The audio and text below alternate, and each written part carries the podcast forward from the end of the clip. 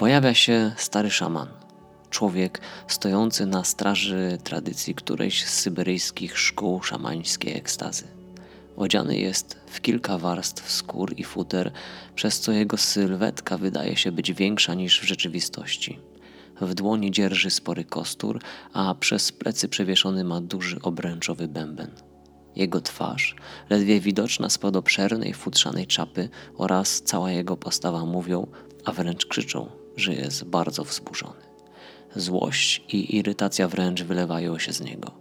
Głośno dyszy, mamrocze coś niezrozumiałego pod nosem, nerwowo przy tym drepcze w miejscu, gotowy by rzucić się do ataku. Całe szczęście oddziela nas szeroki na kilka metrów strumień, więc póki co jestem bezpieczny. To się nie godzi bez kości przychodzić, gdy ona przyznana, autentyczność gwarantowana. Inicjacji bólu doświadczyć musisz, bez nadliczbowej kości system się przewróci. Wyciągam z zapazuchy indiański flet i zaczynam grać na nim. W przestrzeni rozlewa się kojąca melodia, pełna ciepła, spokoju, z delikatną nutą nostalgii. Wdzięczna wibracja na chwilę przepędza burzową chmurę spowijającą postać mego syberyjskiego gościa. Otwiera się przestrzeń, w której wreszcie możemy nawiązać kontakt. Doskonale zdaję sobie sprawę z siły i powagi tradycji, zwłaszcza w kontekście szamanienia. Wiem o ważności inicjacji, wiem o dodatkowej kości lub kościach w ciele, której oczekuje się od szamańskiego neofity. Jestem świadom, że szamanizm jako tradycja nierozerwalnie związany z transem, ekstazą i ogólnym mistycyzmem nie jest ograniczony jedynie do tego czy innego obszaru na Ziemi, a co za tym idzie, do takich czy innych praktyk inicjacyjnych czy powołania do szamanienia. Poza tym, to, co działało, było skuteczne i miało sens w dawniejszych czasach, teraz wcale nie musi być optymalnym i jedynym rozwiązaniem. Tradycja może być jak obosieczny miecz. Gdy kultywowana z szacunkiem i odpowiednim dystansem, może być bardzo pożyteczna. Jednak, gdy jest bez namysłu i ślepo powielana, może stać się przyczyną bólu, cierpienia i społecznego chaosu. Tradycyjnego szamana, który właśnie przede mną stoi, boli fakt, iż współcześnie dostęp do szamańskiej ekstazy mają osoby, które podług jego tradycji są zupełnie niekwalifikowane.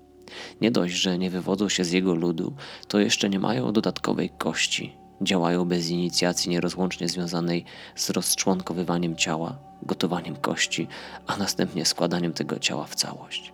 Według niego niedopuszczalne jest to, aby przekaz przepływał przez kogoś spoza szamańskiej kasty. Tak bardzo on i jemu podobni zafiksowali się na tym, co zewnętrzne, w imię obrony świata wewnętrznego. Jednak boski przekaz nie może być w jakikolwiek sposób ograniczony. Jeśli tylko zechce, może zostać objawiony nawet poprzez świnie. Ciało czy forma nie mają tutaj znaczenia. W starym systemie sporo było bólu oraz cierpienia. Nowy system budowany jest na empatycznym przepływie miłości, która jak lawa rozpuszcza przestarzałe i niesłużące już paradygmaty, niosąc wolność zarówno szamanom nowego, jak i starego obrządku. Nowe ze starego zostaje zrodzone. Jedno drugie przenika. Każde ma swój czas i święty porządek. Miłości rzeka dwóch światów łączniczka. Nadzy w jej nurt wchodzimy, ducha świata swym życiem wielbimy. Wcześniej oddzielała nas rzeka. Teraz obaj widzimy, że ona tak naprawdę nas łączy. To miłość i działanie w jej imieniu jest prawdziwym powodem szamanienia bez względu na wszystkie zewnętrzne różnice, które zdają się nas dzielić. To właśnie miłość nas łączy. Stoimy naprzeciw siebie zanurzeni po pas w zimnej, orzeźwiającej i krystalicznie czystej wodzie. Trzymamy się za ręce i patrzymy sobie głęboko w oczy. Złość, niepokój czy agresja odeszły niezauważenie. Zgodnie przyznajemy, że jesteśmy częścią nie tylko szamańskiej tradycji, ale przede wszystkim częścią tej rzeki, wiecznej miłości. Budujemy nowe, ale ze zrozumieniem i z szacunkiem do starego, do tego, co było przed nami.